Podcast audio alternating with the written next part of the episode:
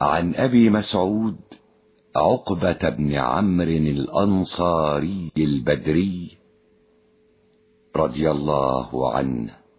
قال قال رسول الله صلى الله عليه وسلم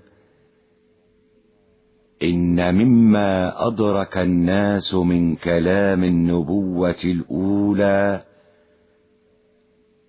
إذا لم تستح فاصنع ما شئت. رواه البخاري.